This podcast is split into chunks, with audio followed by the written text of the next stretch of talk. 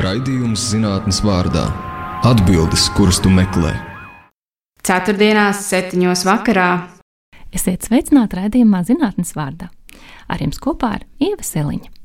Pārvaldība - viens no tiem vārdiem, kurus uz sitienu definēt grūti, bet tai pašā laikā ir skaidrs, pareizi atbildi teikt, ka mums vajag labu pārvaldību. Un definīcijas, protams, tā ir daudz un dažādas, bet pa lielam tās runā par procesiem, kā tiek pieņemti lēmumi, kā īstenot mērķi. Šādi skatoties pārvaldību, tiešām vajag mums visiem un vajag to visur. Tomēr vai laba pārvaldība digitālajā laikmetā izskatās tāda pat kā agrāk? Vai tā ir universāla un pievērojama gan valsts pārvaldē, gan dažādu jomu uzņēmējdarbībā? Varbūt tas ir vajadzīgs pat mums katram privāti. Un kāda tad īsti ir digitālā pārvaldība un kādas inovācijas iespējams pārvaldībā? Atbildes uz šiem jautājumiem meklēsim šodien kopā ar raidījumu zinātnes vārdā viešņu Ines Āpoliņu. Ines Āpoliņa ir politikas zinātnes doktore un Latvijas Universitātes biznesa vadības un ekonomikas fakultātes docente. Ines šobrīd strādā pie pēc, pēc doktorantūras pētniecības projekta par pasažieru pakalpojumu digitalizāciju lidostā Rīga. Ines Saboliņas pētnieciskās intereses ir līderība, pārvaldība, lēmumu pieņemšana, biznesa inovācija aviācijā, attālinātā darba produktivitāte. Ines Saboliņas karjeras attīstība aizsākās Nacionālajā radio un TV padomē Latvijā. Vairākus gadus viņa strādājusi ārlietu ministrijas valsts protokolā, Eiropas Savienības padomē Briselē, bijusi valsts prezidenta valdes atlēra ārštata padomēs laika plānošanas jautājumos, un vairāk nekā astoņus gadus strādājusi Nacionālajā aviakamerā Air Baltica. Ines ir bijusi Latvijas Universitātes sociālo zinātņu fakultātes izpildirektora vietniece studiju darbā. Tātad redzējums zinātnes vārdā viesiņš šodien ir digitālās pārvaldības eksperte Ines Āboliņa. Labdien! Labdien! Ines, stāsti, kā tu nonāci Latvijas Universitātes biznesa vadības un ekonomikas fakultātē? Esmu ieguvusi bakalaura, maģistra un doktora grādu politikas zinātnē Latvijas Universitātē. Tā tā cita fakultāte. Visos studiju posmos, pateicoties iegūtām stipendijām, esmu stažējusies ārzemēs.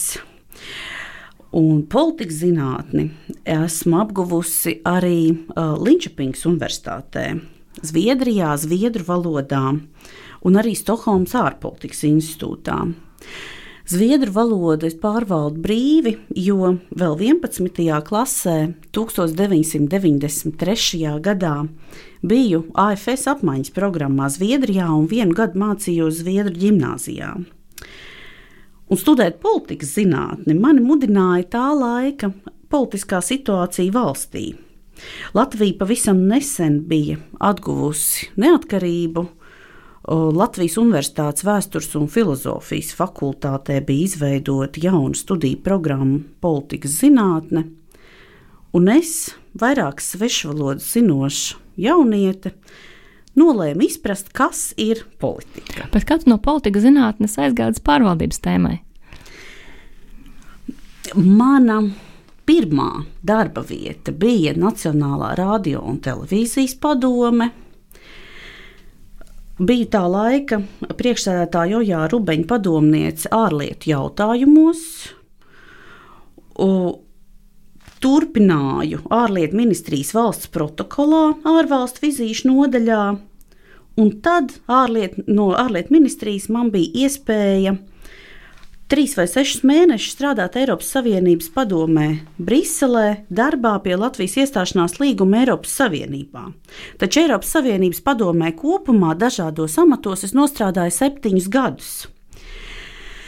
Tad es atgriezos Latvijā, jo uh, manam dēlam bija jāuzsāk mācības pirmajā klasē. Tu gribēji, lai viņš to dara Latvijā, vai ne? Pilnīgi noteikti. Viņš ļoti labi runāja franču valodā, jo gāja beļģu skolā franču plūsmā no trīs ar pus gadiem.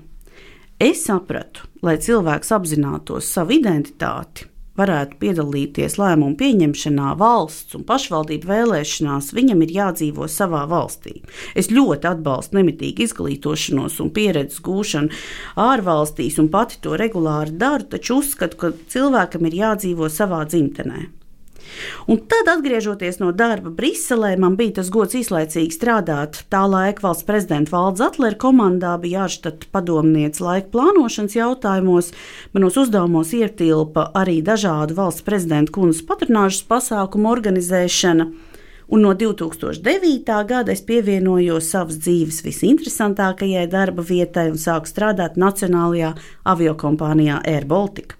Un kopumā Air Baltica dažādos amatos, ieskaitot meitas uzņēmumus Air Baltica Travel, Baltica Miles, Pins, tagad pārsaukto par Air Baltica Club, esmu nostrādājis vairāk nekā astoņus gadus. Un tad paralēli sākās interese par studiju, man sākās interese par studiju kursu docēšanu. Un 2015. gadā es iestājos Latvijas Universitātes Sociālo zinātņu fakultātes doktorantūrā un ļoti mērķiecīgi virzījos doktora grādu iegūšanas virzienā, atliekot malā pilnīgi visu, kas traucēja promocijas darbu izstrādē. Un tajā laikā arī aizsākās mana interese par pārvaldību, jo es studēju politikas zinātnes, apakšnodari, pārvaldi un administrāciju. Un toreiz es vēl nezināju, cik daudz es nezinu. Jo doktorantūrā. To laikam doktorantūrā visi atklāja, vai ne? Doktorantūrā ir daudzi posmi, kuri jāizdara tāpēc, ka ir jāizdara. Lekcijas un eksāmeni, gan pašai, gan darbā ar studentiem, starptautiskas publikācijas, starptautiskas un vietējas konferences, darba, promocijas darba prezentācija visos tā posmos, promocijas eksāmeni, priekšaizstāvēšanas, un viss ir atkarīgs tikai no pašas, no spējas salāgot laiku, iespējas un izpratni. Un man ir viena atziņa pēc studijām doktorantūrā. Ja neizdodas, ir mērķtiecīgi jādara tālāk ņemot vērā daudzos ieteikumus. Promocijas uh, darba gaitu man bija iespējams prezentēt gan prestižajā Tartu Universitātē, gan Oslo Universitātē, un vissatraucošākā bija promocijas darba rezultātu aprobācija Stanforda Universitātē, kur norisinājās ABS Association for the Advancement of Baltic Studies konference, kura bija veltīta Baltijas valstu simtgadēji. Un jāsaka, ka promocijas uh, darba gaitā ir ļoti svarīgi iekļūt kādā cienījamā savas pētījuma jomas starptautiskā tīklojumā. Man paveicās tikt pieņemtai ECPR, European Consortium of Political Research, Presidential Politics tīklojumā un kļūt par Presidential Power blogu līdzīstenotāju.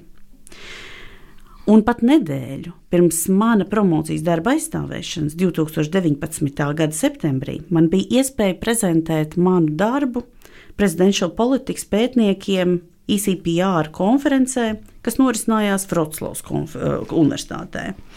Un komentāri, ieteikumi, viedokļi ir neatsverama pieredze katram zinātniskā grāda pretendentam un, protams, jauniem zinātniekam. Nu, veiksmīgi, ka tev faktiski izdevās to doktora grādu ātri iegūt, vai ne? Ar šādu mērķiecīgu darbu. Jā, izstrādāt promocijas darbu ir ļoti nopietns darbs. Tās ir šaubas un neziņa ikdienas. Tas ir prieks par interesantiem un nozīmīgiem atklājumiem. Faktiski redzēt, ka tā pētījuma vienojošā tēma ir digitālā pārvaldība. Varbūt var paskaidrot, kas tieši ir digitālā pārvaldība. Ar terminu pārvaldība apzīmē procesu, kas saistīts ar sabiedrības pārvaldīšanu, sabiedrības teikt, vajadzību apmierināšanu, efektivitāti, dažādu institūciju miedarbību, kā arī, tāda, kā arī sabiedrības grupām, kas veicina vispusīgas informācijas iegūšanu un palīdz uh, pārmaiņu vadības organizēšanā un īstenošanā. Un tāpēc Digitālā pārvaldība ir tikai viena no pārvaldības uh, jomām, pārvaldības veidiem, kas ir vērsti uz, uh, uz sabiedrības, uz, uz tādas tiešsaistes pārvaldības formu, uzsverot sabiedrības līdzdalību un informācijas tehnoloģiju nozīmi pārmaiņu vadībā nozīmē, ka pārvaldība pastāv paralēli digitālajai pārvaldībai. Pareizi saprotu? Neteiksim, ka paralēli. Tās ir, tā ir neatņemama sastāvdaļa. Pārvaldība Pārvaldības teoriju aizsācējs tiek uzskatīts um, um, par, pārvaldības teoriju aizsācēju tiek uzskatīts Vudro Vilsons, kurš 1887. gadā The Study of Administration minēja šo uh, procesu, uh, pārvaldību, procesu administrēšanu uh, un nosauca to par administrāciju. Klā, bet mums katram vajadzētu domāt par pārvaldību, vai pietiek, ka par to domā pētnieki? Mēs katrs esam atbildīgs par pārvaldību gan savā personīgajā dzīvē, gan savā darba vietā. Uh, tie, kas nodarbojas ar pētniecību, protams, pēta pārvaldības attīstību, pārvaldības ģenēzi, pārvaldības uh, uh, pilnveido, pilnveidošanos, bet mēs katrs esam par to atbildīgi, jo, uh, ja mēs dzīvojam uh, sakārtotā procesā, ko nodrošina pārvaldība, tad mēs varam uh, ātrāk paļauties uz, uz uh, rezultātu sasniegšanu.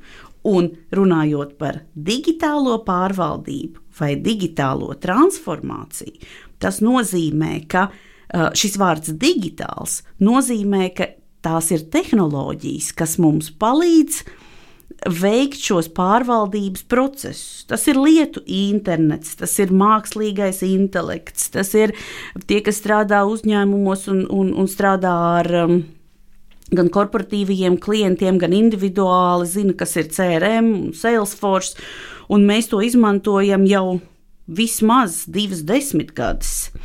Uh, līdz ar to digitālā pārvaldība vai digitālā un digitālā transformācija tas nav nekas jauns, bet nešaubīgi moderns jēdziens, kas iespējams mūsdienās tiek lietots pat par daudz, jo uh, tiek pieņemts, ka procesu sakārtotība var būt iespējama tikai tad, ja paralēli mums palīdz tehnoloģijas kam daļa taisnības arī ir.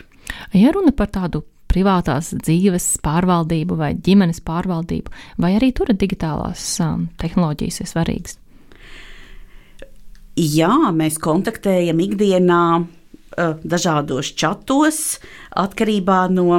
Tā arī ir pārvaldība mūsu WhatsApp čati. No paudžu, atkarībā no paudžu interesēm, jā, tā ir pārvaldība, jo pārvaldība ir visi procesi, kas ir saistīti ar mūsu vajadzību apmierināšanu.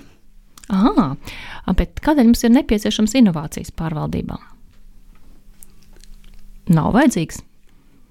Noteikti inovācijas vajadzīgas ir noteikti, bet atkal jau kas tiek izprasts ar inovācijām. Tā ir dažādu darbību attīstība, attīstība jaunā, jaunā uh, posmā. Um, pieņemot, ka pārvaldība ir tik veca kā civilizācija, labi termins, tu teici, radies 19. gadsimtā, kāda pārvaldība varētu iztīties nākotnē? Nākotnes pārvaldība. Atkal jau uh, visticamāk, piecu gadu laikā, jo tādi ir aptuveni tie posmi, kad uh, kad tiek ieviests kāds jauns pārvaldības veids. Pavisam nesen vēl runāju par tīkla veidu pārvaldību savā promocijas darbā. Tagad jau runāju par digitālo pārvaldību savā pēcdoktorantūras pētījumā. Un nav zināms, kas, kāda, kāds pārvaldības veids būs pēc pieciem vai desmit gadiem, bet skaidrs ir tas, ka ka paši pārvaldības procesi paliks tādi, kā, kādi tie bija iedibināti vēl tolaik administrācijas laikā.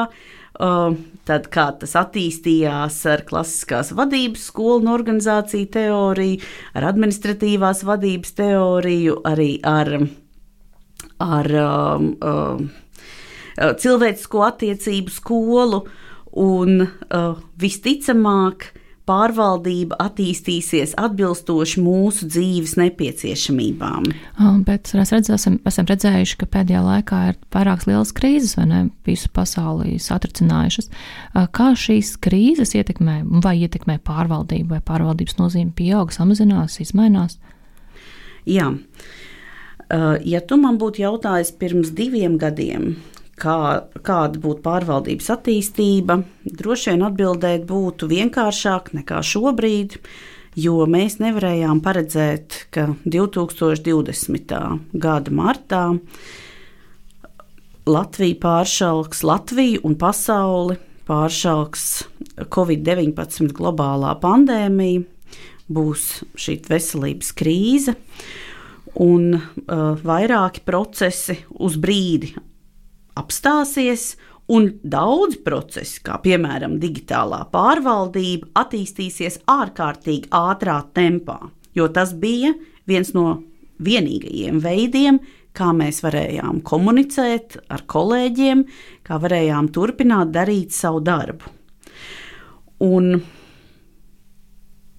Tas nozīmē, ka faktiski katra krīze, kas nāk mums pretī, kaut kādā ziņā maina arī pārvaldību, vai ne, vai to izskatās, ka attīstot faktiski.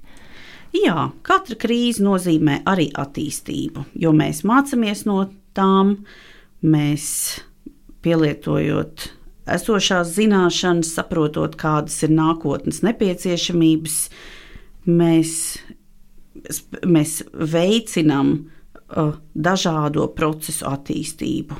Un tas ir tas, kas pārvaldībā ļoti nepieciešams.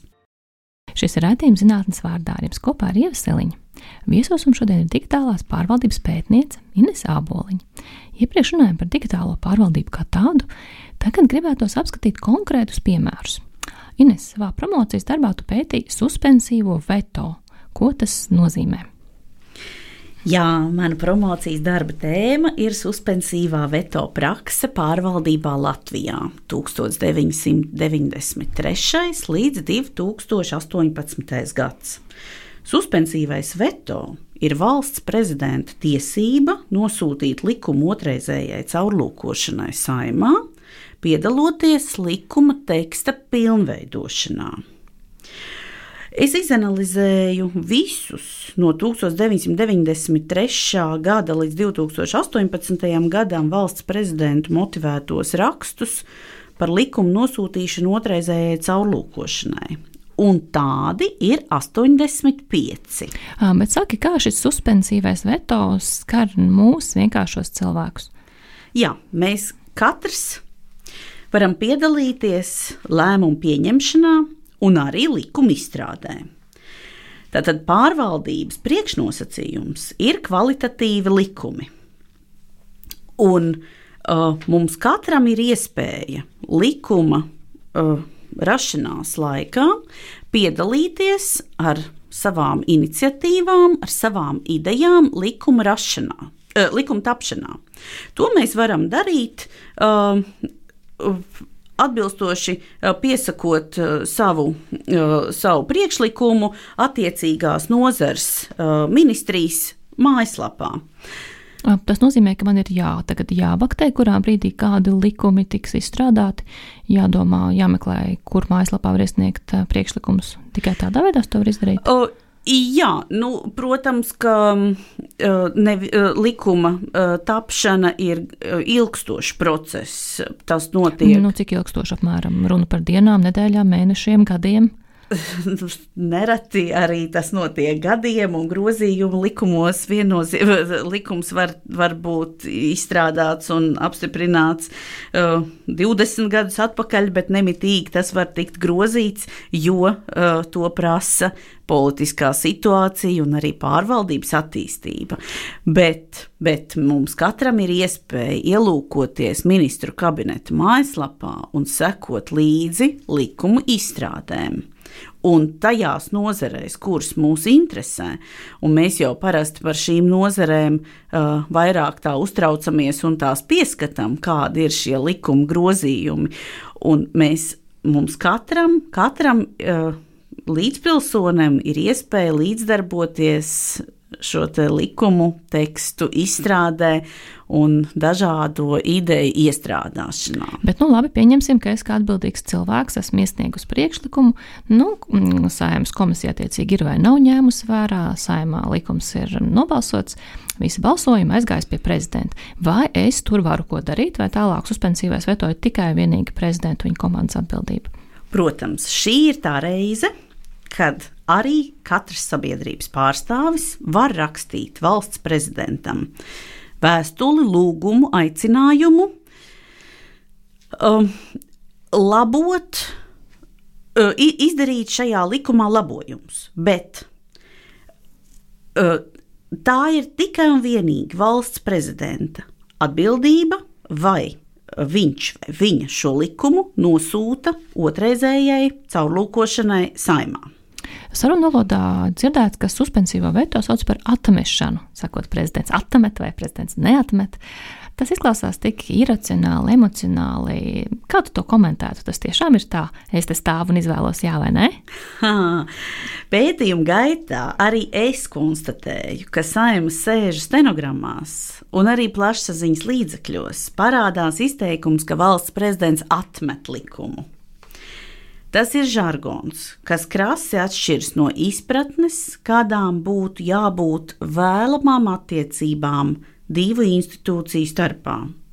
Tas rada aplamu priekšstatu par labu pārvaldību un zināšanām, jo valsts prezidenta motivētie raksti ir noformēti korekti, izvēlētās izteiksmes formas atbilst labas prakses izpratnei, un šie raksti skaidri norāda uz tām nepilnībām, kuras otrais caurlūkojot likumu būtu jānovērš.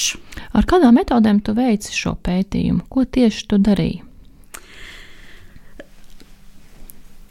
Man bija vairākas kvalitatīvās pētījuma metodes, minēšu šobrīd divas. Viena no tām bija, ka es intervēju Latvijas valsts prezidentus no 1993. gada līdz 2018. gadam. Bet otra metode bija sadarbībā ar Latvijas Universitātes Matemātikas un Informātikas institūta mākslīgā intelekta laboratorijas pētniekiem Normundu Grūzītu un Ilmāru Poikānu. Izveidoja digitālo kartotēku, kur ir pieejama ikvienam interesantam vietnē No Sketch Engine tika ieskanēti visi valsts prezidentu motivētie raksti, kas tapuši no 1993. gada jūlija līdz 2018. gada novembrim. Tātad no 5. saimnes darbības sākuma līdz 12. saimnes darbības beigām. Tad es varētu šajā vietnē, meklētājā, ielikt vārdu valsts griba un redzēt, vai kāds to ir izmantojis pirms prezidenta Levita kunga konkrēti vārds valsts griba šajos motivētajos rakstos neparādīsies, jo es esmu analizējusi un arī um, uh, šajā korpusā ir, ir um, uh, tie motivētie raksti, kuri ir līdz 2018. gadam. Taču, taču uh, tu vari likt uh, jebkuru citu vārdu savienojumu un veikt šo, šos, uh, šo, te, šo analīzi. Tu vari uh, atrast, cik bieži šie vārdi ir lietoti visos motivētajos rakstos, vai tikai konkrēti kāda prezidenta motivētajos rakstos, un arī vari izgūt citas vārdkopas no tām. Visi teksti ir apstrādāti ar optisko rakstzīmju, tādu atpazīšanas instrumentu, tā saucamo optical character recognition, un ar tādā pētnieciskā valodā saukto morfoloģisko analizatoru. Un tādā veidā ir izveidots tāds atsevišķs motivēto rakstu korpus. Starp citu, Neosketch Engine vietnē var atrast dažādus citus korpusus, kas klausītājiem varētu būt interesanti. Kādu prezidenta mīļākie vārdi? Nu, tā faktiski sanāk biežāk lietotie, kuram prezidentam vai ne? Jā, mīļāko vārdu krātuvīte. Tā. Tā varbūt varētu teikt. Es savā pētījumā šo nebiju atklājusi. Un jāsaka arī tas, ka uh, pašu motivēto rakstu kā pamatā uzraksta valsts prezidenta juridiskais padomnieks. Taču, protams, ka bez prezidenta paraksta, bez prezidenta apstiprinājuma šī vēstule, šis motivētais raksts nevar tikt nosūtīts uh, saimai. Līdz ar to uh, es gribu minēt, ka uh, mēs va, iespējams nevaram to saukt par prezidenta mīļāko vārdu uh, krātuvi, uh, jo uh, teksti, kā jau es minēju, ir uh, korekti un izvēlētās formas atbilst tieši tādai labas prakses izpratnei, un, un uh, tie ir juridiski korekti teksti un skaidri saprotami. Kāda vispār ir iemesli, lai izmantotu šo veto? Jā, motivēto rakstu analīze palīdzēja atklāt galvenos saturiskos un formālos motīvus valsts prezidenta suspensīvā veto piemērošanā. Un es esmu sadalījusi saturiskos motīvus tādās divās daļās - atbilstoši tīkla veidu pārvaldībai un atbilstoši situatīvai līderībai. Un, piemēram, tīkla veida pārvaldībai atbilstošie saturiskie motīvi ir ierobežojuma nesamērība, nav atrasts pareizais līdzsvars starp valsts un sabiedrības interesēm un ieinteresētajām pusēm, dažādu sabiedrības grupu lūgums vai nav izvērtēta ietekme. Un situatīvai līderībai atbilstošie saturiskie motīvi ir valsts prezidenta ieteikums. Ar to es domāju valsts prezidenta līderība vai arī, ja likums neatbilst formulētajiem mērķiem.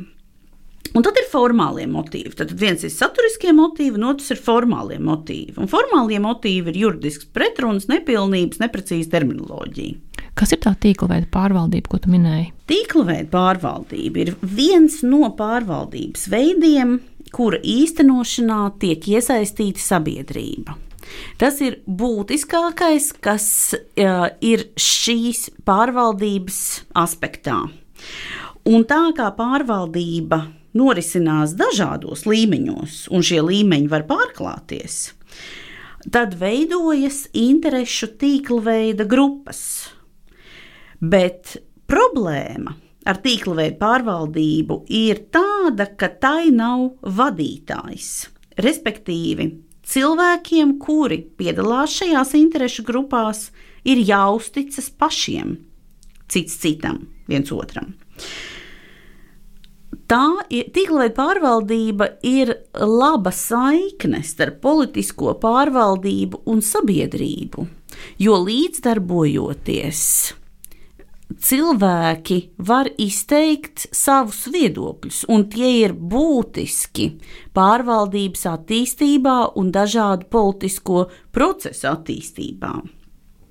Un atcaucoties uz profesoru Ivetu Reinholdi, tā ir sabiedrības līdzdalība lēmumu pieņemšanā.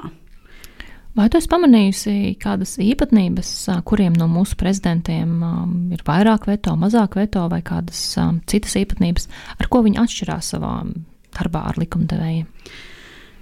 Jā, kā jau zināms, daži no Latvijas valsts prezidentiem pēc neatkarības atjaunošanas ir strādājuši divus prezidentūras termiņus citi vienu.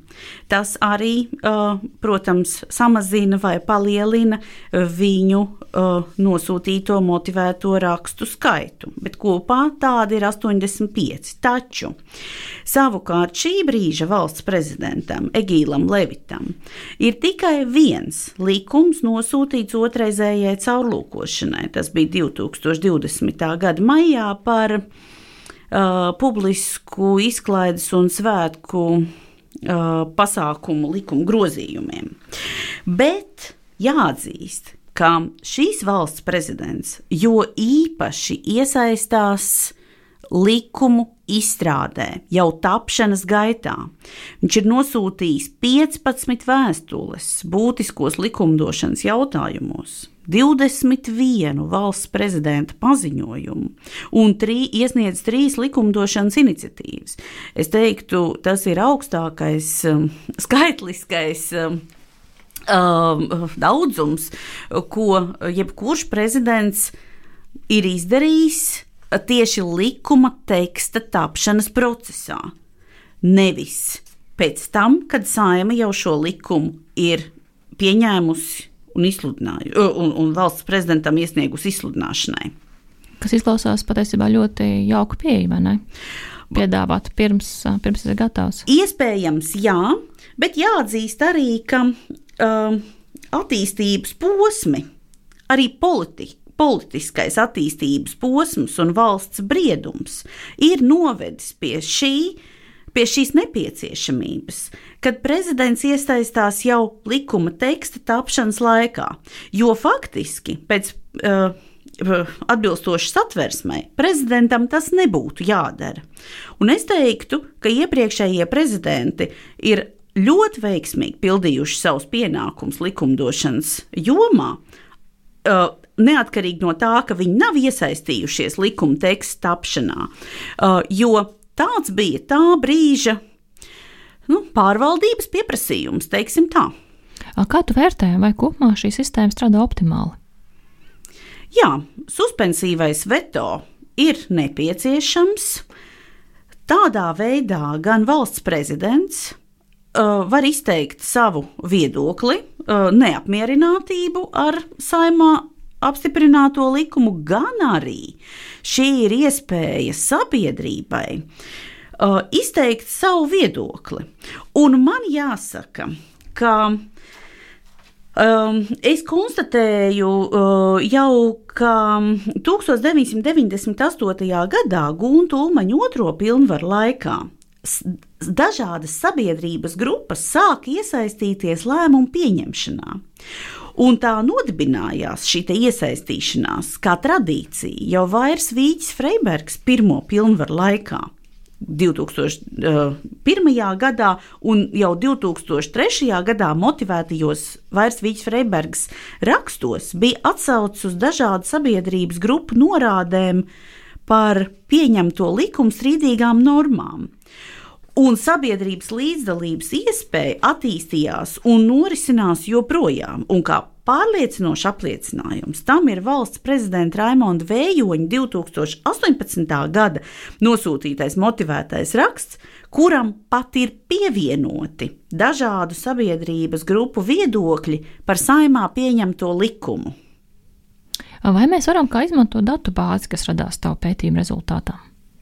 Jā, Uh, nav Sketch Engine datubāze ir atvērta jebkuram lietotājam, un uh, ir iespēja izmantot gan tos uh, valsts prezidentu motivēto, uh, to valsts prezidentu motivēto rakstu digitālo kartotēku, kas ir izveidota uh, šī pētījuma ietvaros, um, uh, gan arī uh, tur ir vairāki citi korpusi, piemēram, saimas stenogrammu korpusi un dažādi citi, kurus arī jebkurš interesants var izmantot. Šis ir raidījums zinātnes vārdā ar jums kopā ar Ievasiliņu. Viesos mums šodien ir digitālās pārvaldības pētniece Inese Āboliņa. Iepriekš runājām par Latvijas prezidenta izdotiem suspensīviem veto. Tagad gribētos parunāt par iespējām digitalizēt pakalpojumus uzņēmējdarbībā. Saki, Ines, vai sociālās zinātnēs vispār ir iespējams bez digitālās komponentes, vai mūsdienās, kur ir sociālā zinātne, tur ir digitālais? Man vienmēr ir interesējusi saikne starp pārvaldību, rīcību politiku un biznesu. Un tāpēc 2020. gadā man bija iespēja uzsākt darbu Latvijas Universitātes biznesa vadības un ekonomikas fakultātē, kur man arī ievēlēja par docenti. Un fakultātē es docēju bakalaura studiju programmā, gan maģistra studiju programmā dažādus kursus, politikas zinātnē, lietušķa etiķetu un protokolu, personāla vadību un līderību, pārmaiņu vadību. Un šobrīd, pateicoties fakultātes atbalstam, kopš 2021. gada esmu pētniece un strādāju pie pēcdoktorantūras projekta pasažieru pakalpojumu digitalizācijas starptautiskajā lidostā Rīga. O, šī pētījuma akronīms ir PASDIGI, bet man gribas vēl pateikt, kā es līdz šim pētījumam nonācu. Nu, pastāstīja savu pieredzi ar Baltiku, jo tu esi gan tur strādājusi, gan šobrīd šo uzņēmumu pēti, vai ne? Jā, vēl 2020. gada sākumā es atsāku strādāt Air Baltica, biju atbildīga par korporatīvo pārdošanu Lielbritānijā, Īrijā, Benelux valstīs. Tomēr šis perfektais salikums starp pētniecību un biznesu izrādījās ļoti īslaicīgs, jo 2020. gada martā Latvija, tāpat kā visa pasaule, pāršāls globālā pandēmija Covid-19, un aviācijas nozarē nekad nav bijusi lielāka krīze par to, ko tā piedzīvo Covid-19 pandēmijas laikā. Kāds ietekmē mūsu Rīgas lidostu? Rīgas lidosta faktiski bija ļoti gatava, jo lidosta jau uh, ne tikai Rīgas lidosta, bet pasaules lidostas jau iepriekšējo gadu laikā bija izmantojušas digitālās tehnoloģijas, un uh, mēs varam lidostas saukt par inovāciju vēstnešiem. Un kāpēc? Kāpēc lidostas ir inovācija vēstneši? Lidostas ir uh, vienas no, uh, no pirmajām tādām redzamajām, sasniedzamajām vietām, kurās mēs saskaramies ar dažādām jaunajām tehnoloģijām. Kāpēc tās ir nepieciešamas? Pieaug pasažieru skaits, uh, ir nepieciešama raida pasažieru plūsma, ir nepieciešama šīs plūsmas kontrole. Tāpēc vajadzīgi pārdomāti digitāli pakalpojumi. Nepieciešama, piemēram, pašreģistrācija lidojumam, bezkontakta bagāžas nodošana, bezkontakta iegāpšanas talona vai, vai, un pases vai identifikācijas kartes jā, kontrole. Uh, Un, un um, uh, šobrīd lidostas strādā arī uh, pie automatizētas drošības pārbaudas un arī pie automatizētas iekāpšanas lidmašīnā. Kas šobrīd ir tāds stiprākā puse, kas ir tas labais, kas ir mūsu lidostā? Drošība un punktualitāte. Kādas ir tās inovācijas, kas jau ir ieviestas? Tu minēji, ka tagad kaut kas tā kā tiek uh, plānots. Ieviesti, ieviesta ir gan pašreģistrēšanās lidojumam, gan bagāžas automatizēta nodošana, kurā netiek iesaistīti cilvēku resursi. Un, taču lidostās ir nepārtraukti jāiegulda procesu automatizācijā ar nolūku uzlabot produktivitāti un efektivitāti, bet nav, uh, nav jāaizmirst, vai, vai tieši otrādi ir jāpievērš liela uzmanība tam, uh, ka joprojām sabiedrība, liela sabiedrības daļa dod priekšroku cilvēku resursu sniegtajai apkalpošanai. Nu, jā, dzīves cilvēks saprotamāks par mašīnu, ne tā? Jā, tas ir tiešām svarīgi, uh, uh, lai šo pasažieru vēlmes tiktu ņemtas vērā. Taču, taču ieviešot inovācijas šajās lidostas pakalpojumu apkalpošanas jomā, lidostām ir iespēja primāri orientēties uz Y un Z paudzes pārstāvjiem. Tiem, kuri dzimuši no 1981. gada jo, piemēram, jaunāks paudzes pasažieriem var piedāvāt iespēju izmēģināt tādus uz mākslīgo intelektu balstītus pakalpojumus kā runājošus robotus vai pašbraucošus transporta līdzekļus. Tādējādi to var aprobēt, pārbaudīt, vai cilvēki tos spēj lietot, un vai ir apmierināti ar to lietošanu, un tad to var ieviest visiem pasažieriem. Un kādas inovācijas vēl ar laiku būtu gaidāmas lidostā? Es domāju, un gribas cerēt, ka drīz uh, mēs varēsim ar saviem, ar savu seju, kā biometriskiem datiem, ieiet lidostā un no ieiešanas terminālā līdz iekāpšanai lidmašīnā varēsim iziet cauri lidostai. Bet, protams, tam vēl ir daudzi gadi nepieciešami tā izstrādēji, gan rīcība politikas izstrādēji, gan arī, protams, vienotai mm, ajatas regulējuma, re, regulējuma izstrādēji. Ajata ir International Air Transport Association, pēc kuras regulējumiem strādā va, visas vai lielākā daļa pasaules lidostu, un atbilstoši šiem regulējumiem, tad arī lidostas nosaka savus attīstības plānus. Tas nozīmē, ka varētu būt cerības, ka kā, prasības lidotājiem varētu kļūt mierīgākas un vieglākas nekā tās ir šobrīd. Jo šobrīd man riešām šķiet, ka ir prasības tikai pieaug ar vien vairāk. Tas varbūt nenozīmē, ka tas atvieglotu šo procesu. Respektīvi, jā, tas noteikti atvieglotu, jo nevajadzētu izmantot nekādus. Uh, no, ar savu sevi ienākt, tas būtu jā, ļoti elitāri. Bet mums ir jāsaprot, ka tas ir arī drauds. Tas ir arī privātuma drauds. Un tamdēļ tas vēl aizņems vairākus gadus, lai uh, tiktu nostiprināts likumdošanā un uh, dažādos regulējošos dokumentos, kā un kur šis mūsu privātums varēs tikt izmantots. Jo tai ir jābūt tikai vienai datubāzei, kurā ir visa šī par mums nepieciešamā informācija.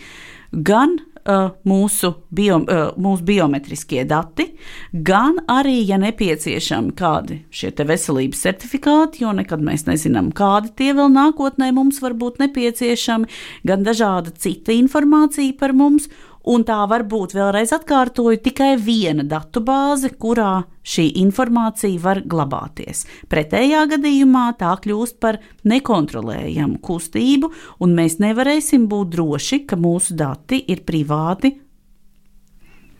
Kas lidotājiem būtu jādara pirms došanās lidostu? Šobrīd, ceļojot pa Eiropu, ir uh, visi ar covid-19 saistītie nosacījumi ir mm, atviegloti, taču Taču es ieteiktu uh, pirms lidojuma uz jebkuru valsti, uh, uz jebkuru valsti Eiropā, uh, paskatīties aplikācijā Reopen EU, kādi ir nosacījumi, lai dotos uz konkrēto valsti. Taču, ja mūs interesē ceļot ārpus Eiropas Savienības, tad es ieteiktu skatīties AJATA jau minētās organizācijas Travel Center mājaslapā. Arī tur ir informācija par to, kas uh, būtu nepieciešams ceļojot uz ārvalstīm. Cik daudz tā ir lidostas atbildība, lai atvieglotu mums šo pieredzi? Cik daudz tas savukārt ir spiediens no valsts vai no citām pusēm? Lidosta. Var, lai mēs saprastu, ka mēs varam gaidīt šīs inovācijas vai ne, atvieglotas prasības. Jā, lidosta uh, visticamāk izprot vislabāk pasažieru nepieciešamību, jo tiek veikti gan pētījumi, gan arī lidostas darbinieki uh, uh, redz un saprot, kas ir nepieciešams, kādas nepieciešamības ir.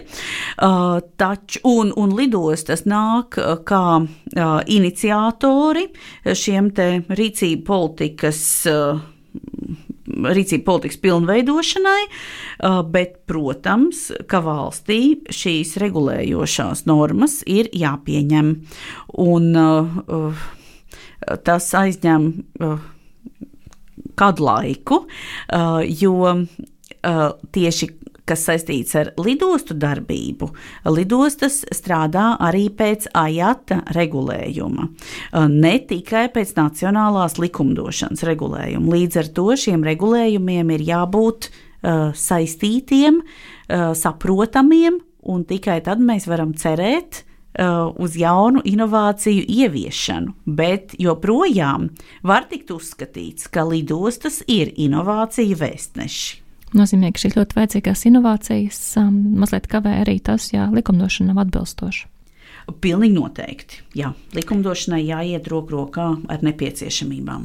Ja mūsu klausītājiem ir kādas idejas digitālajiem pakalpojumiem vai risinājumiem lidostā, vai ir kādas iespējas ar tām dalīties? Es ļoti priecātos, ja klausītāji savas idejas man atsūtītu e-pastā inese.cāboliņa atlv. Es tās ar prieku apkopotu, apsvērtu, apdomātu un piedāvātu lidostai Rīga. Mēs kopīgi varētu atbalstīt starpnozaru politikas veidotājus, un es, es, es varētu izstrādāt zinātniski pamatotas rīcību politikas rekomendācijas par gan par šiem ieteikumiem, kas būtu saistīti par drošu, ātru, ērtu, saprotamu visu Vēlreiz atkārtoju visu lidostas pasažieru pakalpojumu izmantošanu. Ir jāsaprot, ka lidostu izmanto visi cilvēki, gan jauni, gan vidēji vecuma, gan vecāki cilvēki, gan cilvēki ar īpašām vajadzībām, gan tādi cilvēki, kuri labi orientējas digitālajās un mobilajās tehnoloģijās, gan tādi, kur varbūt mazāk labi tajā orientējas. Līdz ar to lidostai nav jābūt šķērslim vai nepatīkamām sajūtām, un cilvēkam ir jājūtas ērti, droši. Un uh, ir jābūt pārliecinātam par savu uh, datu drošumu. Jā, tev ir taisnība. Kas tev pašu pārsteidza veicot šo pētījumu par lidostu Rīgā? Sākotnēji 2020. gads lika domāt, ka pasažieru kritums ir tik milzīgs lidostā Rīga, ka to būs ļoti grūti atjaunot. Jo pirms Covid-19 Rīgas lidostu 20. gada janvārī izmantoja 525 tūkstoši pasažieru. Pusmiljons. Jā, kopējais pasažieru skaits 2019. gadā bija 7,8 miljoni. Bet pasažieru skaits jau 20. gada februārī samazinājās līdz 498 tūkstošiem, martā līdz 235 tūkstošiem un sakarā ar Latvijas robežas slēgš, slēgšanu starptautiskiem um, pārvadājumiem no 2020. gada 17. marta līdz 18. maijam, aprīlī Rīgas lidosta apkalpoja 3060 repatriāciju un īpašo čarteru lidojumu pasažierus, un maijā, kad Nacionālā aviokompānija Air Baltica atsāka darbību, Rīgas lidostas pakalpojumus izmantoja tikai 10 000 pasažieru. Un pasažieru skaits 2020. gada maijā samazinājās par 98% salīdzinot ar 2019. gada maiju.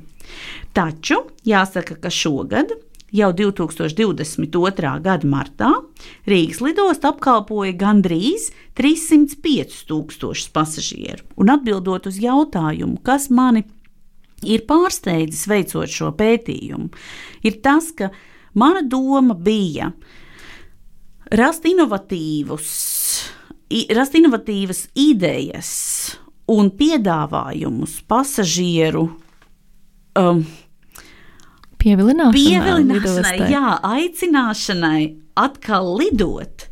Bet tagad, kopš šis regulējums ir atjaunots, ka pasažieri drīkst lidot, ka, kad ir atviegloti šie izlidošanas noteikumi, kad arī uzņemošās valstis, pie, valsts, uz kurām pasažieris lido, vairs neprasa mm, šos um, dažādos um, dokumentus. Uh, pasažieru skaits atjaunojas. Un, ja mēs redzam, ka martā jau ir 305 tūkstoši pasažieru, un tas ir krietns kāpums kopš iepriekšējiem mēnešiem, mēs redzam, ka pasažieru skaits atjaunojas. Viņi paši grib lidot. Jā, pasažieris pats vēlas lidot, bet ar pētījumu ir jānodrošina uh, inovatīvu risinājumu uh, tādas. Uh, Pieejamība. Pieejamība, jā, um, uh, ir jārada šī.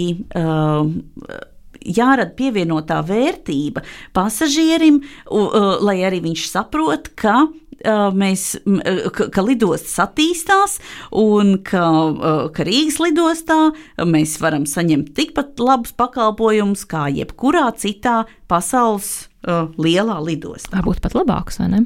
Noteikti. Nobeigumā, Ines, kāds būtu tavs ieteikums mūsu klausītājiem? Nu, iespējams, kontekstā ar pārvaldību, digitālo pārvaldību. Iesaku, un arī pati to izmantoju, mācīties mūža garumā un censties pēc iespējas vairāk apgūt digitālās tehnoloģijas, un galvenais - radīt uh, tādu vēlmi sevī apgūt nemitīgi jauno. Tas ir ļoti būtiski saglabāt savu jaunību, apgūstot jauno. Jā, jā, saglabāt jaunību, apgūstot jauno. Lieliski, lieliski pateikts. Paldies! Ines no sirds priecājas tiem panākumiem, novēl turpināt zinātnisko sasniegumu ceļu arī turpmāk. Atgādājot, ka raidījumā zinātnes vārdā bija digitālās pārvaldības pētniece Ines Āboliņa. Studijā bija Ievasiliņa. Lai sekot jaunumiem mūsu radio, atcerieties piesakot atradio un ap kanāliem, sociālajos tīklos, Facebook, Twitter un Instagram. Lai jums visiem labi pārvaldīts vakars! Atā!